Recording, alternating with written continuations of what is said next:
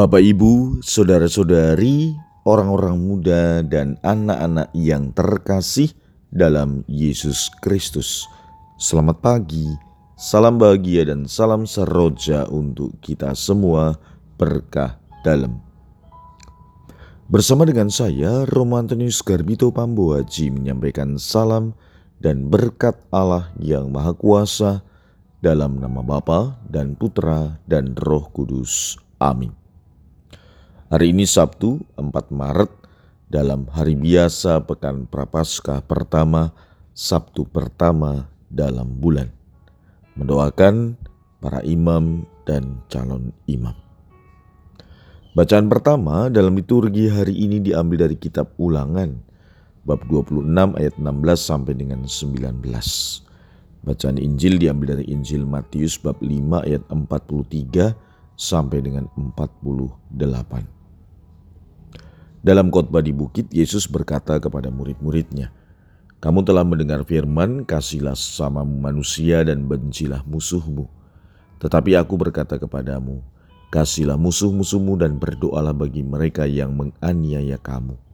Karena dengan demikian kamu menjadi anak-anak Bapamu yang di sorga. Sebab ia membuat mataharinya terbit bagi orang yang jahat dan bagi orang yang baik pula Hujan pun diturunkannya bagi orang yang benar dan juga orang yang tidak benar. Apabila kamu mengasihi orang yang mengasihi kamu, apakah upahmu? Bukankah pemungut cukai juga berbuat demikian? Dan apabila kamu hanya memberi salam kepada saudara-saudaramu saja, apakah lebihnya daripada perbuatan orang lain? Bukankah orang yang tidak mengenal Allah pun berbuat demikian? Karena itu haruslah kamu sempurna sebagaimana Bapamu yang di sorga sempurna adanya. Demikianlah sabda Tuhan. Terpujilah Kristus. Haruslah kamu sempurna sebagaimana Bapamu yang di sorga sempurna adanya. Masa prapaskah menjadi kesempatan bagi kita untuk sungguh dapat melaksanakan sabda Tuhan ini. Tetapi pertanyaannya adalah bagaimana kita mengusahakan diri menjadi sempurna sebagaimana Bapa yang di sorga sempurna adanya. Jelas kalau kita melihat sabda Tuhan pada bagian pertama Injil hari ini untuk dapat menjadi sempurna atau untuk dapat menjadi kudus, kita diajak untuk melakukan dua hal. Pertama, mengasihi musuh-musuh kita dan berdoa bagi mereka yang menganiaya kita. Memang bisa jadi penganiayaan itu tidak hanya karena fisik, tetapi lewat pikiran, dan perkataan.